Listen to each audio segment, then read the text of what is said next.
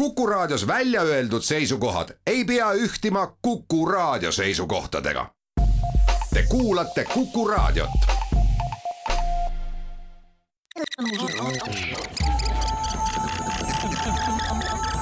digi, digi, digitund, digitund. Tere hommikust, head Kuku raadio kuulajad ja tere tulemast eh, Digitunni lainele. soovime kõigile Digitunni sõpradele head sõbrapäeva. stuudios on meil täna Indrek Vaheoja, Kristjan Pillak. Eh, mina olen Andrus Raudsalu ja erikülalisena liitub meiega Andre Allas, kellega me räägime Steam Deckist ja üldse mängude striimimise maailmast. aga algatuseks tahaks eh, kohe öelda seda, et meie sõbrapäeva tervitused lähevad lõuna politsei prefektuurile, kes ausalt öeldes tegi meie meele rõõmsaks, kuna on siis nende sotsiaalmeedia osakond on postitanud Facebooki kuulut-, nii-öelda sõbrapäeva kuulutuse, kus otsitakse Artjomi, Reginat ja Andreid sõnumiga sõbrad, kus te olete olete meil ikka mõtetes, helistage üks, üks, kaks ja saame jälle kokku, nii et väga hea töö. aga, aga lähme siit siis eelmise nädala olulisemate uudiste juurde. eelmisel esmaspäeval rääkisime sellest, et Samsungil on tulemas suur tootepresentatsiooni üritus ja tõepoolest siis eelmisel kolmapäeval see toimuski, toimus Decentralandis ehk siis esimest korda ka metaversiumis Samsungi kaheksa kolm seitse X nimelises virtuaalteatris. tõsi küll, tuleb öelda, et, et need, kes metaversumisse kolida ei tahtnud, võisid seda üritust vaadata vist tavapäraselt ka Youtube'ist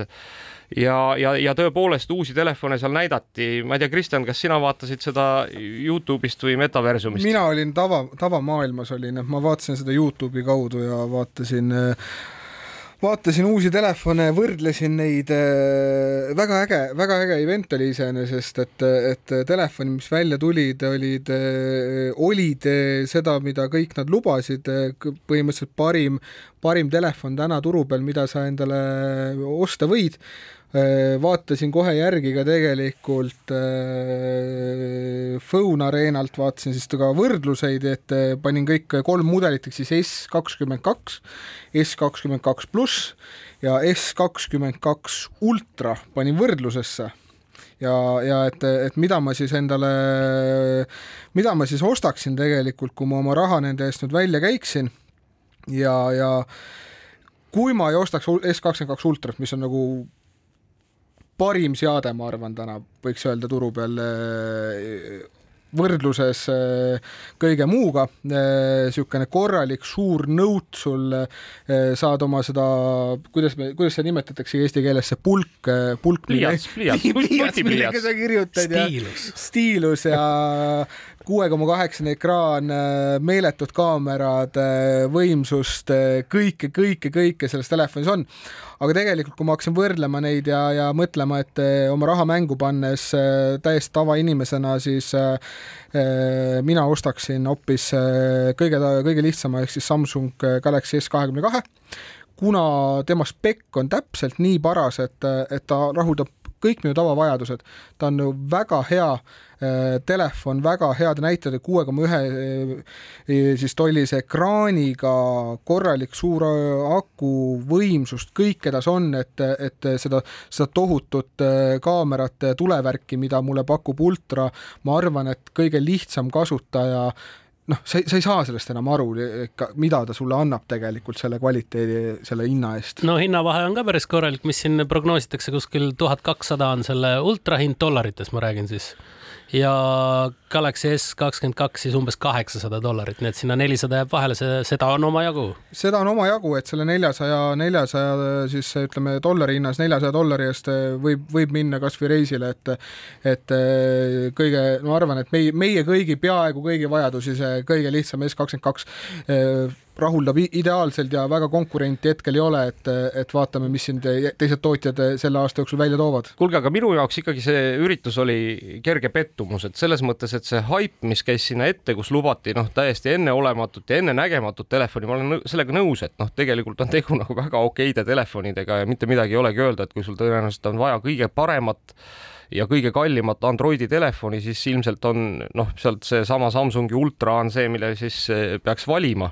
aga natuke mul jääb samasugune mulje, et ei ole enam nagu midagi väga öelda, eks, et, et samamoodi nagu Apple, et noh, et me teeme nagu natukene asja paremaks, eks natukene nagu ägedamaks, aga ühtegi nagu epohhi loovat või noh, nagu maailma muutvat lahendust ei ole, ole jah. ja mina, ma, ma ausalt öeldes väga lootsin ikkagi, et, et, et, et noh, millest me ka eelmine nädal rääkisime, et seoses sellesama Exynos protsessoriga, et äkki siis öeldakse, et see on nagu nüüd nagu tõeline mänguritelefon näiteks, kus, kus mängud jooksevad äh, väga hästi, aga sellest ei olnud juttu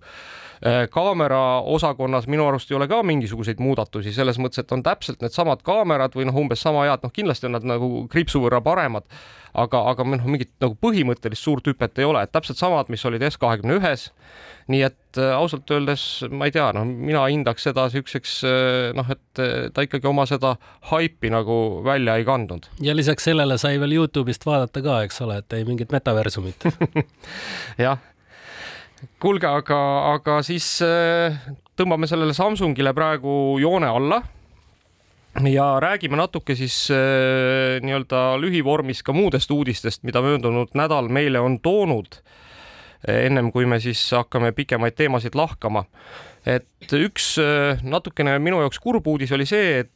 Eesti Äh, juurtega startup ID.me sai äh, USA turul siis väikese löögi, nagu te mäletate, siis me soovisime neile siin mitu korda õnne selle eest, et et nad said suure lepingu siis äh, USA maksuametiga selleks, et, et kõiki siis neid maksuametis maksudeklaratsioone esitavaid inimesi tuvastada. Äh, ja nüüd tundub, et, et see tuvastamine ikkagi nii hästi ei läinud, kui äh, algselt arvati, et seal oli kaks äh, kivi, mis siis nende kapsaaeda sattusid, et üks kivi oli see, et et nad kasutasid natuke ebaturvalist tehnoloogiat selleks, et inimesi väga täpselt tuvastada, ehk nad tegelikult võrdlesid siis neid inimeste pilte kuskil endal olemasoleva mingi pildi andmebaasiga, noh, mis ütleme, et tänapäeva maailmas on on äh, selline natukene tegevus, mida, mida jah -hmm. mille peale kõik nagu murelikuks muutuvad. kuigi noh, tuleb jällegi öelda, et, et, et kõik spetsialistid ütlesid, et tegelikult oli tegu ikkagi turvalise asjaga, aga noh, seal oli pigem see küsimus selles, et kuidas see välja paistab. ja teine, mis oli nagu äh, palju äh, suurem probleem, oli siis see, et et tuleb välja, et, et sõltuvalt inimese nahavärvist toimub näotuvastus erinevalt ja noh, mida tumedam nahavärv on, seda kehvemini näotuvastus toimib. ja noh, tõenäoliselt selle tõttu Hiinas siis see näotuvastus toimib väga hästi, et seal noh, tumedanahalisi inimesi väga palju ei ole, eks Ameerikas vastupidi, eks, kus neid on ikkagi üsna palju, tekitas see suuri probleeme, sellepärast et tumedanahalised pidid hakkama noh, seisma nii-öelda virtuaalsetes järjekordades. ma loen sellest eh, meie saate dokumendist siit ilusti, et et eh, mustanahaliste tuvastamine oli kümme tuhat korda aeglasem ja see ongi nii jah, et, et ja mingil põhjusel noh, nii nagu masinõppega ikka on, et ega me ju täpselt ei tea, et mida see algoritm siis ühel hetkel on ära õppinud, aga, aga mingil põhjusel, mida tumedam nahavärv on, seda kehvemini ta aru saab, kes seal pildi peal on. aga no loodame, et, et, et IDMe ikkagi tuleb sellest äh, või saab selle probleemiga hakkama ja, ja, ja nad tegelikult juba vahepeal teatasid, et nad hakkavad siis tegema, tegema seda isiku tuvastamist ka ilma näotuvastuseta, nii et äh, saavad ehk äh, oma asjad käima. aga kuidasmoodi see siis välja hakkab nägema, et kuidas nad seda siis ilma näotuvastamista teevad? ma ei kujuta ei ette, no ette, jah, et ilmselt ma ei tea, vaatavad võib-olla mingit dokumendi fotot või vaatavad mingit, üritavad dokumendi pealt midagi, ma ei tea mm, -hmm. eks, et eks, eks see on nagu nende asi. aga, aga võtame võib-olla teise olulise tehnoloogia uudise, ma arvan, mis ühel hetkel hakkab meie kõigi elu mõjutama, on äh, see, et Apple äh, näitas siis äh, võimalust nii-öelda muuta iPhone mobiilseks makseterminaliks. Ehk, ehk sisuliselt siis Apple avab iPhone'i NFC kiibi selleks, et saaks võtta vastu krediitkaartidelt viipemakseid ja põhimõtteliselt saab siis noh, nii-öelda kaks iPhone'i omanikku saavad ka omavahel maksta neid iPhone'e rõõmsalt kokku lüües no aga see ju peaks üldiselt sellise tavalise inimese elu palju lihtsamaks ja mõnusamaks teha, kui sul muidu on alati see häda, et, et oh, et ma ei tea, mul ei ole sula kaasas või noh, saada oma andmed ja nii edasi, väike piiks ja korras, raha tuleb ja no ma arvan, et ma arvan, et kõikidel noh, nii-öelda kaupmeestel on ju, kes väikekaupmeestel, kes täna nagu vaevlevad selle käes, et, et nad ei taha siis kuidagi endale seda terminali osta või see on kuidagi ebamugav, et, et tõepoolest noh, osta endale telefon ja võta oma telefoniga makseid vastu. aga ma arvan, et see on veel ikkagi suhteliselt, suhteliselt tulevikus see, et see massidesse läheb see Apple Tap to Pay, eriti veel Eestis, et kujutate ette mingisugust väiksemat üritust, mis iganes laat külaüritus noh, ühed on need inimesed, kellel, kellel üldse viipemakse ei tööta, on ju, teised on need, kellel eh, pole mingisuguseid selliseid seadmeid, et ikkagi veel väga tükk aega on seda terminali füüsilist ikkagi vaja meil siin Eestis. aga ma arvan, et see on see suund, kuhu me liigume ja ühel hetkel lihtsalt ongi, et siinsamas mis iganes Swedbank on ju, SEB kõik maksavad, pakuvadki seda virtuaalset terminali näiteks, mis on seotud selle, selle äpp, Apple'i siis tegelikult äh, lahendusega. jaa, aga, aga lähme siit edasi veel ühe toreda uudise juurde, mille möödunud nädal tõi, mis on siis transpordimaailmast. Ja nimelt on äh, Californias juba pikalt tegutsenud selline ettevõtte nimega Joby Aviation, mis äh, teeb siis elektri noh, kuidas nüüd öelda siis minilennukeid mis on siis virtuaalselt, vabandust, mis on vertikaalselt õhku tõusvad mitte virtuaalselt. ja, ja, ja nüüd on siis see Joby Aviation äh, teinud lepingu Korea äh, telekomi kompaniiga SKT, äh, et avada siis Lõuna-Koreas õhutaksoteenus ja, ja siis isesõitev õhutaksoteenus, nii et äh, mulle tundub, et see noh, nii-öelda see väide, et, et tulevik on juba täna siin, aga ei ole võrdselt jaotunud erinevate kohtade vahel maailmas, et, et, et Lõuna-Koreas on seda tulevikku päris palju. no siia juurde sobib hästi ka see uudis, mis äh, oli ka natuke aega tagasi siin, et äh, esimest korda lendas siis Black Hawk helikopter ilma piloodita ja kasutati seal siis Sikorski programmi peal, Sikorski Matrix süsteem ja mis siis piloodid teevad, küsite, piloodid saavad tegeleda muude asjadega, mis ei ole siis oluline selleks, et helikopter õhus pühiks. noh, eks seal on rünnakuhelikopteris üht koma teist, millega tegeleda, et selle asemel, et siis olla kangide küljes kinni ja vaadata, et kõik näitajad oleksid normis. mina arvan, et Sikorski uudis on selles suhtes palju olulisem sellest õhutaksost, et, et reaalselt mõtleme seda, et, et sul hästi tihe asustusega piirkond, et õhutaksot seal pakkuda, kogu see turvalisus ja kõik, mis sinna juurde läheb. aga see Sikorski uudis, see on selles suhtes see, on järgmine samm äh, kaasaegses siis sõjategevuses tegelikult, et, et kui meil eelmine aasta oli seal, kes meil seal Kesk-Aasia pool äh, meil oli seal Armeenia ja Aserbaidžaan omavahel droonisõda oli mm, -hmm. see oli mhm. droonisõda tegelikult. nüüd on järgmine samm ongi needsamad Black Hawkid onju, need Black Hawke näeb ka aeg-ajalt siin Tallinna kohal lendamas onju, et see tuleb niisugune lähivõitluses tuleb juurde ja, ja, ja mida need inimesed teevad, mina arvan seda, et see piloot seal sees, ega ta väga palju teha ei saagi tegelikult, et et see ai hakkab ühel hetkel ka seal äh, sihtima ja kõike muud tegema. Äh, see piloot hakkab siis, äh, pühib tolmu ja valab no, õli. vaatab, et oleks lahingumoona kastid avatud õigel ajal ja, ja ongi nii. aga me teeme nüüd väikese reklaamipausi ja oleme juba hetke pärast tagasi.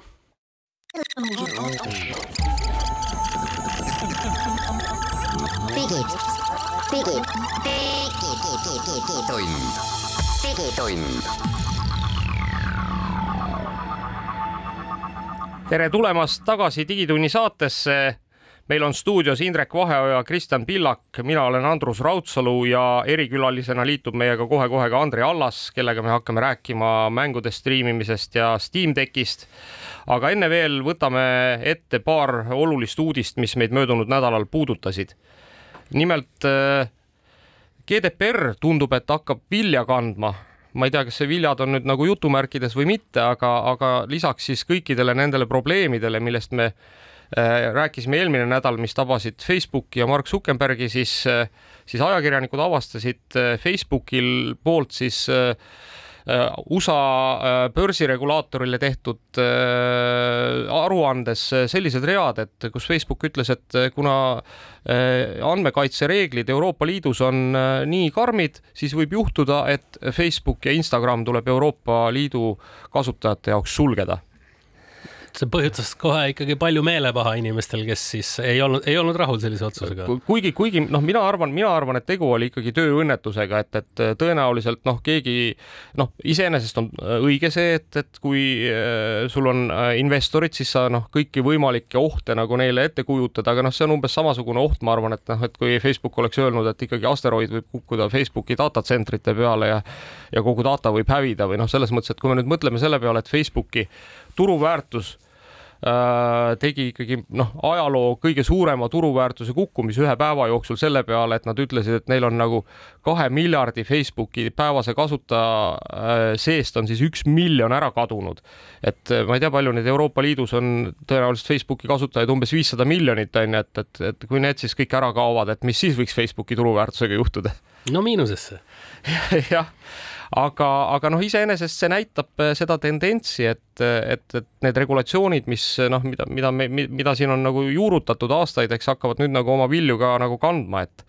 et sama on päris huvitav, et, et kui me siit edasi sellesama GDPR-i teemadel jätkame, siis äh, Prantsuse andmekaitse kuulutas Google Analyticsi siis mitte košeriks. täpselt sama tegi, kui te mäletate, me rääkisime sellest umbes kuu aega tagasi ka Austria andmekaitse mis tähendab siis seda, et, et tegelikult äh, ka seda Google'i analüütikat sellisel kujul, nagu kõik veebisaidid teda täna kasutavad, äh, Euroopa Liidus väga hästi kasutada ei tohiks. et tegelikult on see, et, et võib rääkida siit Postimees Grupi poole pealt sellest, et me kasutame väga palju Google'i tegelikult teenuseid, on ju, erinevate, erinevate protsesside juhtimise jaoks ja ja järjest enam juba mitte ainult viimasel ajal, vaid ma ütleks, et see on viimane aasta pluss olnud näha seda, kuidas erinevad need lahendused äh, tekitavad probleeme, et siin äh, Google'i enda poolt on tulnud aina rohkem nagu teateid, et jälle erinevad muudatused, mis seal tehakse, on ju, millega peab arvestama, kõiksugused äh privaatsustingimustega seotud uuendused, et äh, hästi palju on seotud reklaami sihtimistega, aga teine, mis on ju, mina arvan, et üks on see reklaami sihtimine ja see, et inimeste privaatsus, siis seal on seal on see, et enamik inimesi tegelikult ei, ei nagu ei piira oma seda privaatsust meeletult palju, et kui me vaatame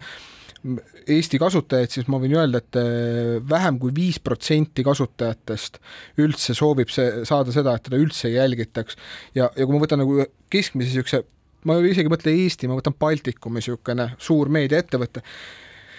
meil ei ole oluline, et ma teaksin seda, et, et minu paremal käel istub Andre Allas või minu vastas istub Andrus Raudsalu, et see, see ei määra mulle mitte midagi tegelikult, et et mind huvitab hoopis see asi, et kes käib, mis lehel ja miks ta seal käib, et kas me saame kuidagi oma teenust paremaks teha. Ja, ja aina rohkem tegelikult need Euroopa siis niisugused eh, direktiivid ja uuendused, mis, mis tekitavad probleeme, et sa lihtsalt ei tea, sa näed jah, et sul tuleb lehele keegi, aga mida ta teeb, miks ta teeb, seda me ei näe ja, ja, ja, ja ütleme nii, et isegi on kohti ja nagu naljakaid olukordi on seal sees, kui ma saan seda inimest isegi reklaami mõistes palju täpsemalt sihtida, aga ma ei saa jälgida seda, et kuidas oma teenust paremaks arendada tema käitumise järgi, mida ma tegelikult tahaksin teha nojah, aga sellele, sellele vist tuleb nüüd ju piiranguid veel juurde, et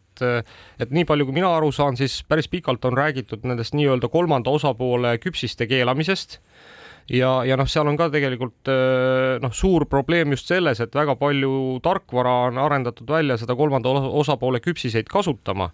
ja noh, Google ja, ja, ja, ja Apple loomulikult läbi Safari on, on, on pikalt äh, üritanud siis erinevaid piiranguid seada juba, et, et nii-öelda kaitsta kasutajate privaatsust ja ja nüüd äh, eelmisel nädalal tegelikult tuli välja uudis, et äh, Ühendkuningriigis siis regulaator andis Google'ile nõusoleku kolmanda osapoole küpsiste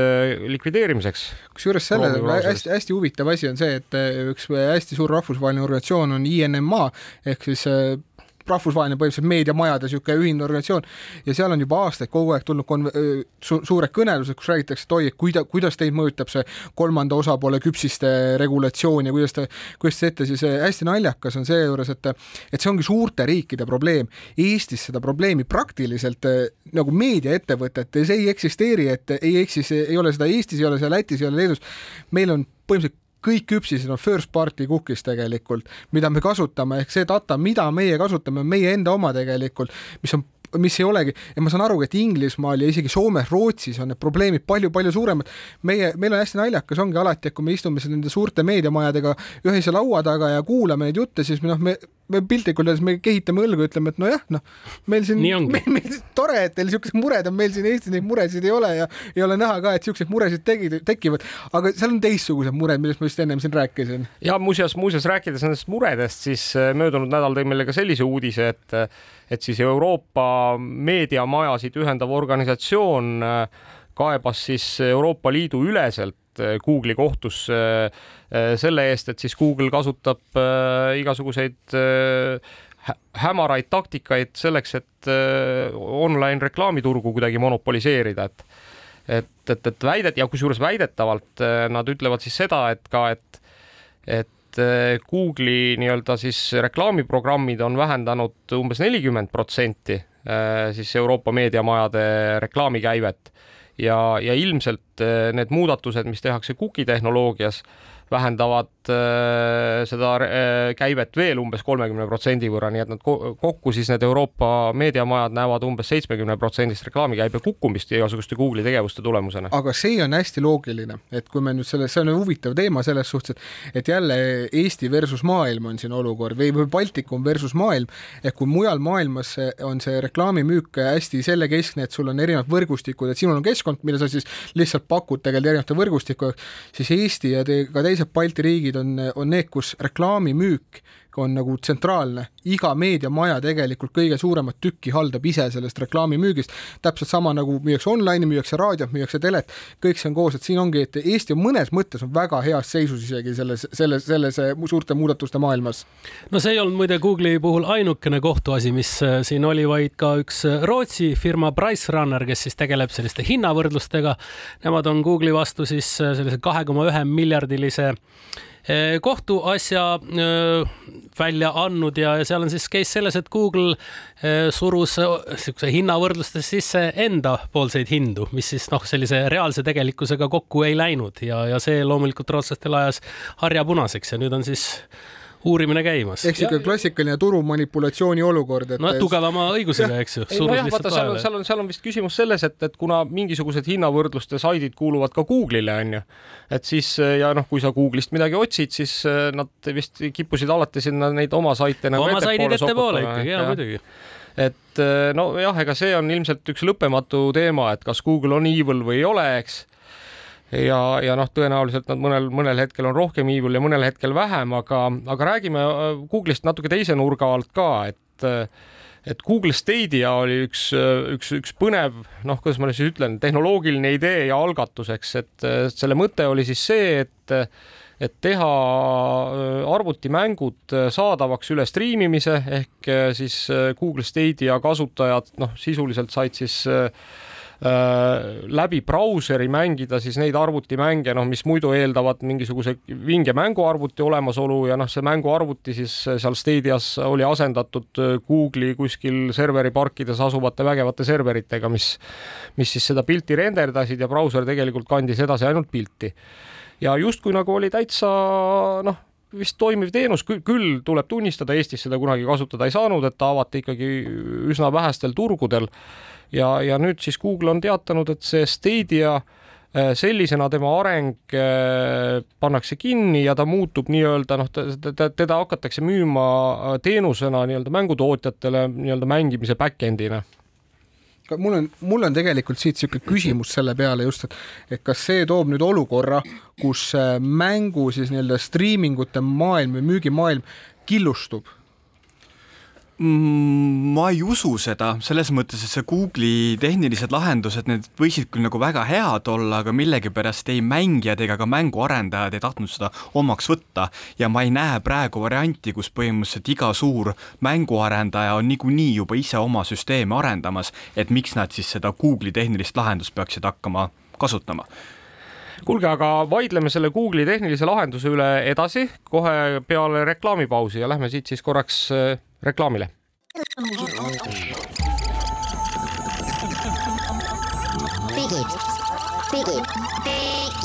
digitund, digitund.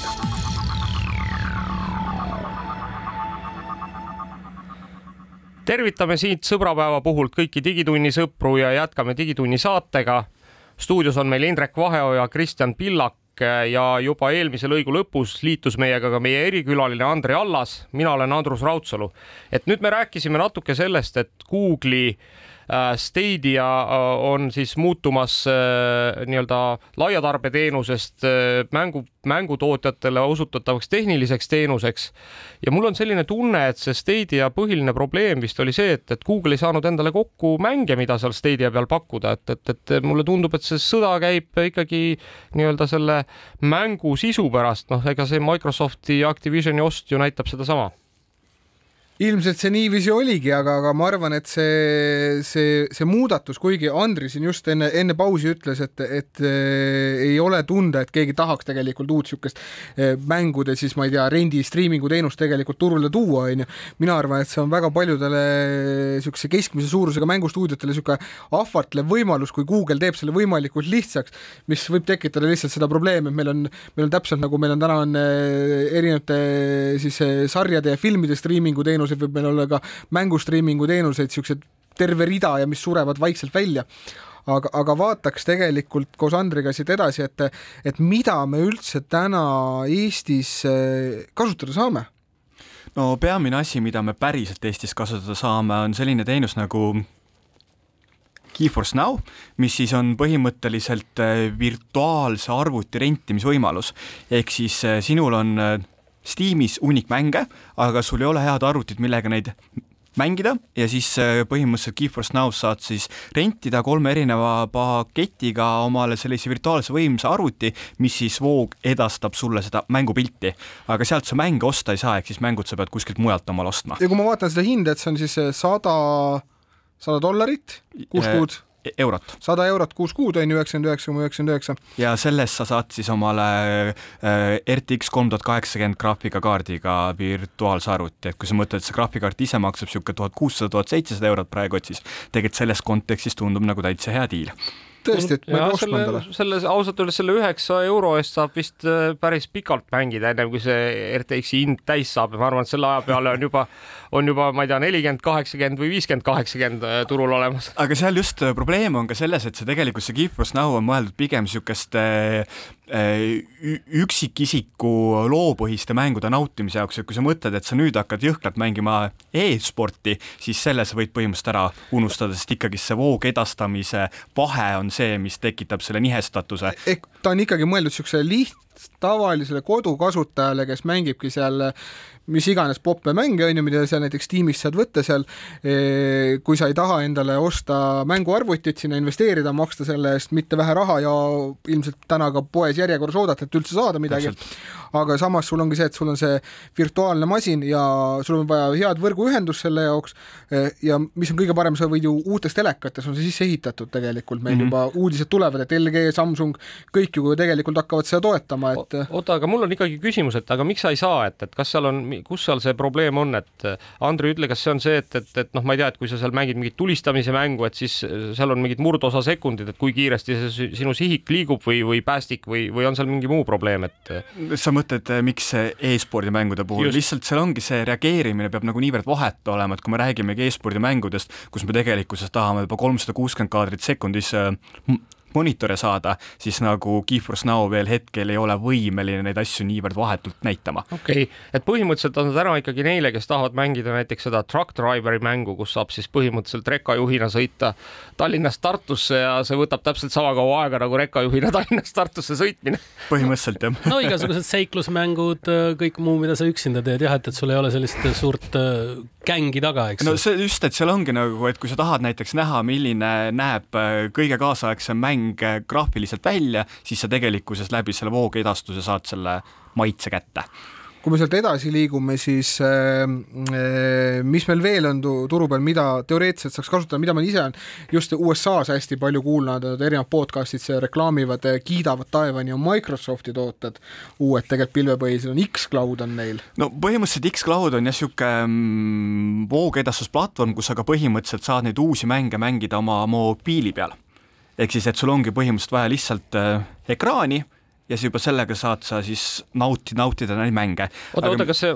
vabandust, ma kohe küsin täpsustava küsimuse eh, rumala kuulajana, et et kas see tähendab siis seda, et ka neid eh, nii-öelda arvutile mõeldud, mänguarvutile mõeldud mänge või konsoolile mõeldud mänge, mida täna mobiili peal saada ei ole, on võimalik läbi selle mobiili peal mängida ja,? jah, täpselt nii. ehk siis, et sa saad näiteks Bluetoothiga oma puldi ära ühendada sellega, saad sealt täitsa mängida. aga mis X-Cloudi Eestis elades kõige suurem probleem on see, et seda põhimõtteliselt sa pead väga tehnilise taibuga inimene olema, et seda üldse käima saada, sest et äh, selle asja märksõnaks on VPN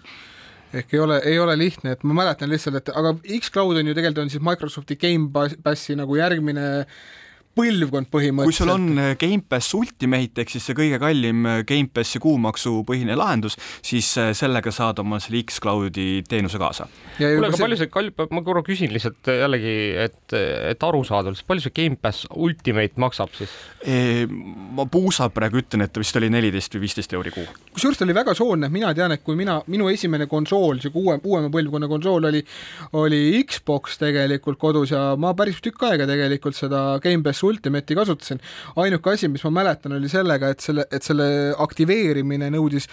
natukene nagu niisugust tehnilist tööd, et niisugune step by step juhend oli, kus ma vist, ma siiamaani Microsofti teada olen siis eh, vist eh, Inglise Eesti saatkonna elanik olen ma. kõikide nende teenustega on jah see teema, et sa pead eh, registreerima ennast kuhugi mujale, kus sa elad näiteks ma arvan, et äh, Helsingis Eesti saatkond on üks äh, kõige, kõige tihedama asustusega piirkond Helsingis. nojah, aga kas see ei peakski olema saatkondade üks eesmärk, et äh, riigi kodanikel oleks hea elada ja, ja saaksid tarbida kvaliteetset meelelahutust si? Si siinkohal, siinkohal, kusjuures mul on ikkagi siinkohal küsimus selles, et kus siis on see Euroopa digitaalne ühisturg, eks, mida Andrus Ansip meile kogu aeg luba, lubas, et et ma ausalt öeldes väga loodaks, et ühel hetkel see jama lõpeb ära, et et Soomes äh, oled sa nagu justkui nagu eurooplane, äh, eurooplane ja Eestis justkui nagu ei ole, eks, et, et, et minu arust peaksid, ma ei tea, kes seal üldse see probleemi allikas on, et kas need on mängutootjad ise või? ma arvan, et seal ikkagi lõpuks see taandub mingisuguste regionaalsete autoriõiguste küsimuse peale, et Eestis tavaliselt nagu teatud arendajate jaoks me oleme osa Venemaast ja kuidas siis nagu müüakse mingisuguste asjade müügiõigusi siis? nojah, ausalt öeldes need arendajad võiksid nagu nüüd ikkagi ajaloost nagu kolmkümmend aastat edasi astuda onju, võib-olla oma nagu teadmistes onju. Mhm. ja nüüd, kui me eh, läheme tegelikult sellest Microsoftist edasi, siis eh, Playstation, Playstationil ei ole veel midagi ju selle, selles turu osas. Playstationil on niisugune teenus nagu PlayStation Now, kus on siis põhimõtteliselt üle kolmesaja mängu hetkel ja see on põhi, üks ainsaid PlayStationi teenuseid, mida sa arvuti peal ka kasutada hetkel saad. aga levivad kuulujutud, et Playstation tuleb nüüd sellel kevadel oma nii-öelda Gamepassi sarnase teenusega välja, kus siis põhimõtteliselt Playstation pluss ja Playstation Now lükatakse omavahel kokku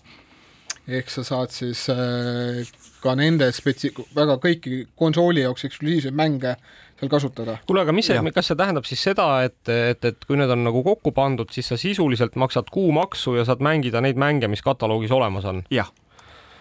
ja kuidas nende kataloogidega üldse täna on, et, et kui sa peaksid ise võrdlema, et kellel kõige parem kataloog on? no mina Gamepassi kasutajana ütlen, et praegu on ikkagist Gamepassil kõige-kõige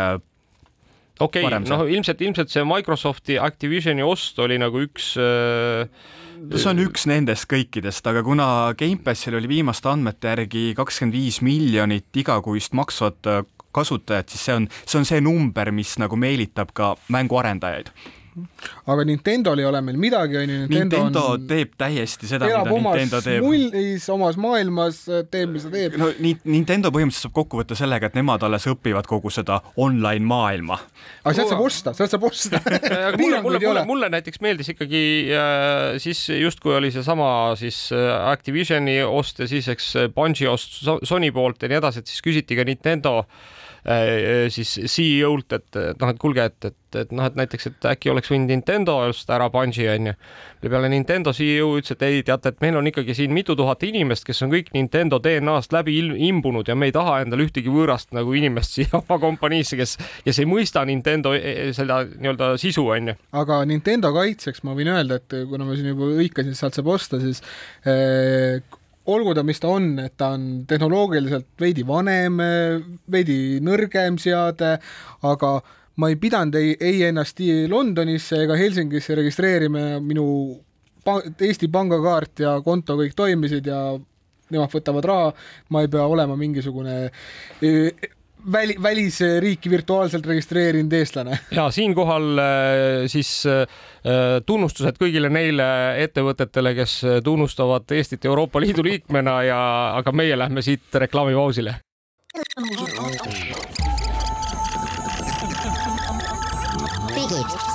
digid, digitund, digitund. Head Kuku raadio kuulajad, tere tulemast tagasi Digitunni sõbrapäeva saatesse. meil on stuudios Indrek Vaheoja, Kristjan Pillak ja erikülalisena Andre Allas, kellega me oleme lahanud mängude striimimise keerulist maailma. mina olen Andrus Raudsalu ja me eelmises veerandis arutasime siis sellist noh, nii-öelda konsoolimängude striimimise maailma ja, ja, ja, ja sellega seotud erinevaid pakette, et, et kuidas see, Andrei, ütle mulle, kuidas see nagu tavaarvuti peal toimub, et mulle tundub, et seal on see olukord isegi keerulisem kui konsoolimaailmas. arvuti peal on see olukord väga-väga palju keerulisem, ehk siis arvuti peal me saame omal digitaalseid mänge osta Epic Games'ist, GOG-ist, Uplayst äh,, Originist ja muidugi Steamist. ehk siis, et mul isiklikult on tihti olukord, kus ma mingisuguse mängu tõttu pean mingisuguse veebipoe omale alla laadima ja siis ma avastan, et oi, mul on seal ju veel mänge ees juba ootamas mida sa ostsid kuskil võib-olla viis aastat tagasi. täpselt, täpselt, mille olemasolu tore üllatus. ja toredad kuutasud muidugi ka kõigilt seal õnneks ei ole kuu, sa ei pea kuumaksu maksma, et sa lihtsalt oled kuskil mingi kuuskümmend eurot mängu eest käinud välja ja siis selle ära unustanud. kuule, aga kas arvutis ei ole ühtegi kuu, kuumaksulist teenust või? no selles mõttes, et sul on samamoodi sellised ähm, kogumikud, ehk siis näiteks EA-l on oma äh, digitaalsete mängude kuu, kuumaksupõhine lahendus, Gamepass on sul arvuti peal kättesaadav, PlayStation Now on sul tegelikult arvuti peal kät-, kättesaadav, et kui sa tahad raha maksta, siis sa leiad need kohad, kuhu see raha välja käia aga ikkagi kõige suurem selles valdkonnas, kas ma eksin, kui ma ütlen, et on äh, Steam? Steam poena on kõige suurem arvuti peal, sellepärast et oli esimene, kes üldse tegelikult hammustas läbi selle, kuidas mängude müük võib areneda, ehk siis Steam tegelikult kuulutati välja juba aasta kaks tuhat kaks ja praeguseks on seal üle viiekümne tuhande mängu. ja Steam ise on ju tegelikult on ju vist, võiks öelda, et üks kõige rohkem tegelikult mängu siis tööstust, teenuseid revolutsioneerina, revu-, revolutsiooni seal tekitanud oma puldiga nojah, see Gabe, Gabe Newell on selles mõttes väga-väga unikaalne mees, et ta saab aru, kuhu, kuhu asjad li liiguvad ja Steam'i äh, omanikfirma Valve ongi siis tegelikult ka aeg-ajalt igasuguseid riistvaralisi lahendusi tulnud, mis küll tihti ei ole kõige edukamad olnud, aga nad on äh, suutnud midagi väga märgilist maha jätta. kas Steam Controller võiks öelda, on tegelikult kõigi tänaseks ma massiliselt levinud äh, konsoolide kontrollerite nagu siis niisugune esiisa? no nad tulid selliste puututundlike lahendustega kõige, kõige esimesena välja, jah väga hea, aga siit saamegi kohe minna nüüd kõige uuema asja juurde, mis, mis siis, ma saan aru, et see siis influencer itele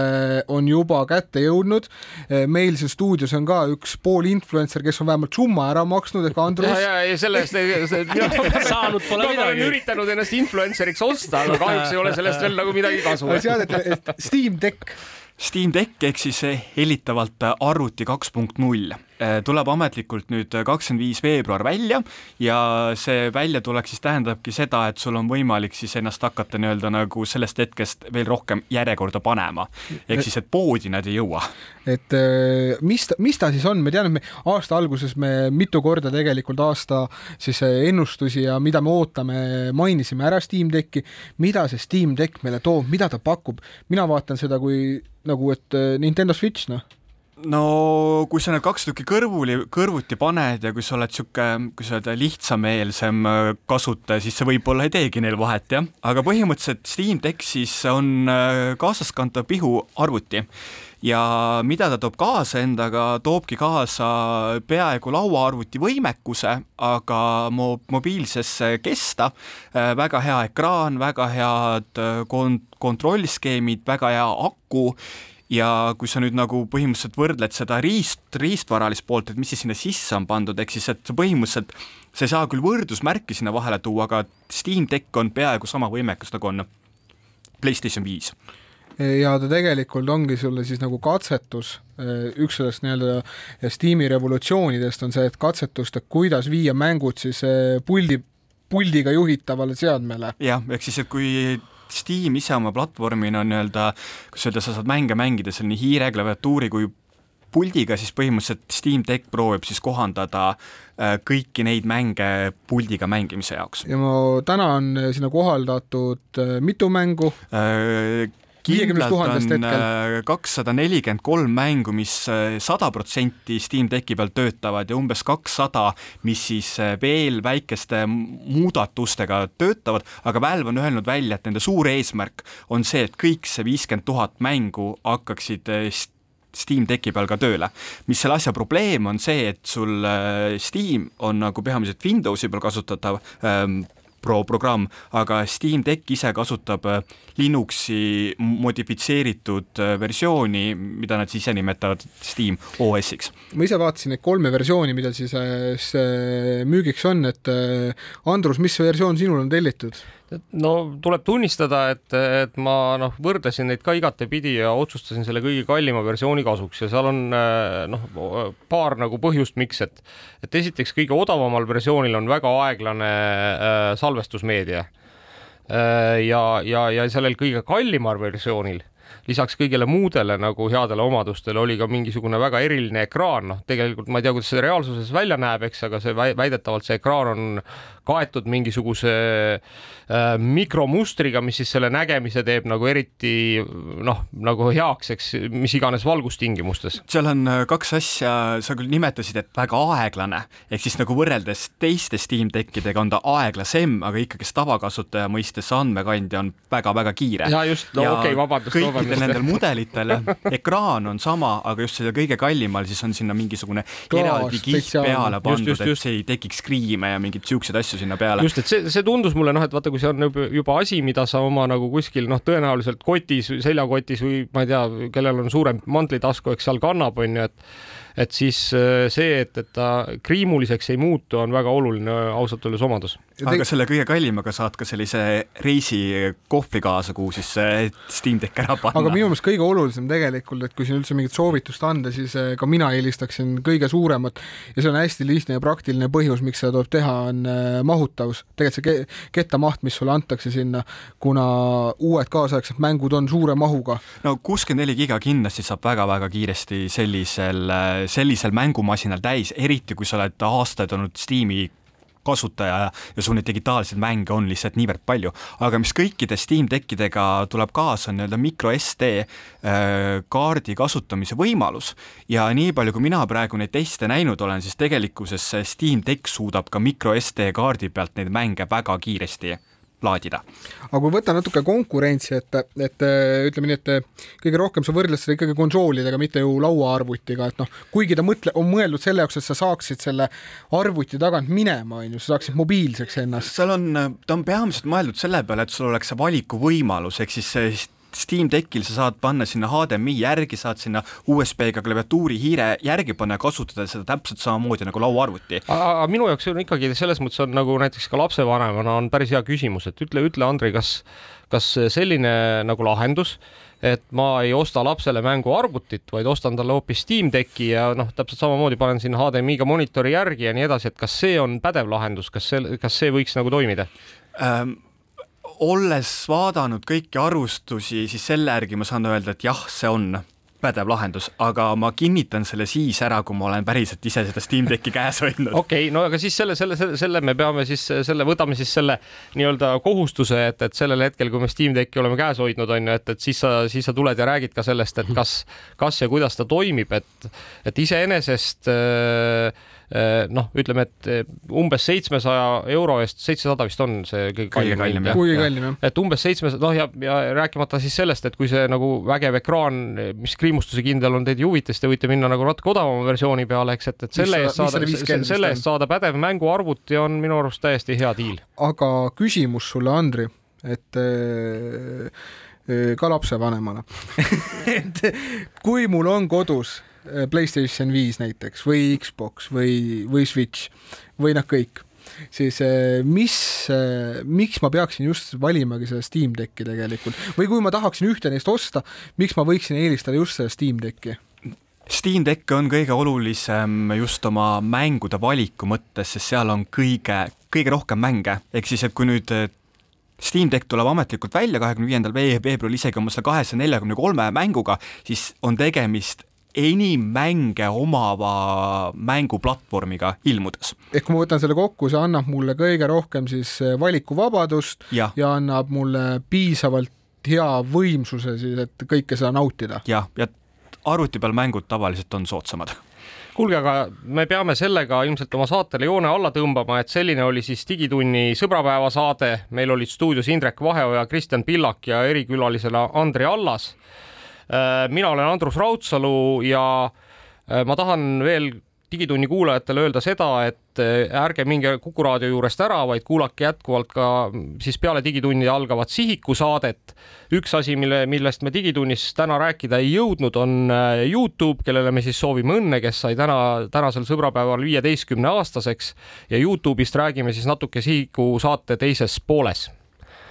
ja kohtume siis teiega kõigiga Digitunnis juba nädala pärast.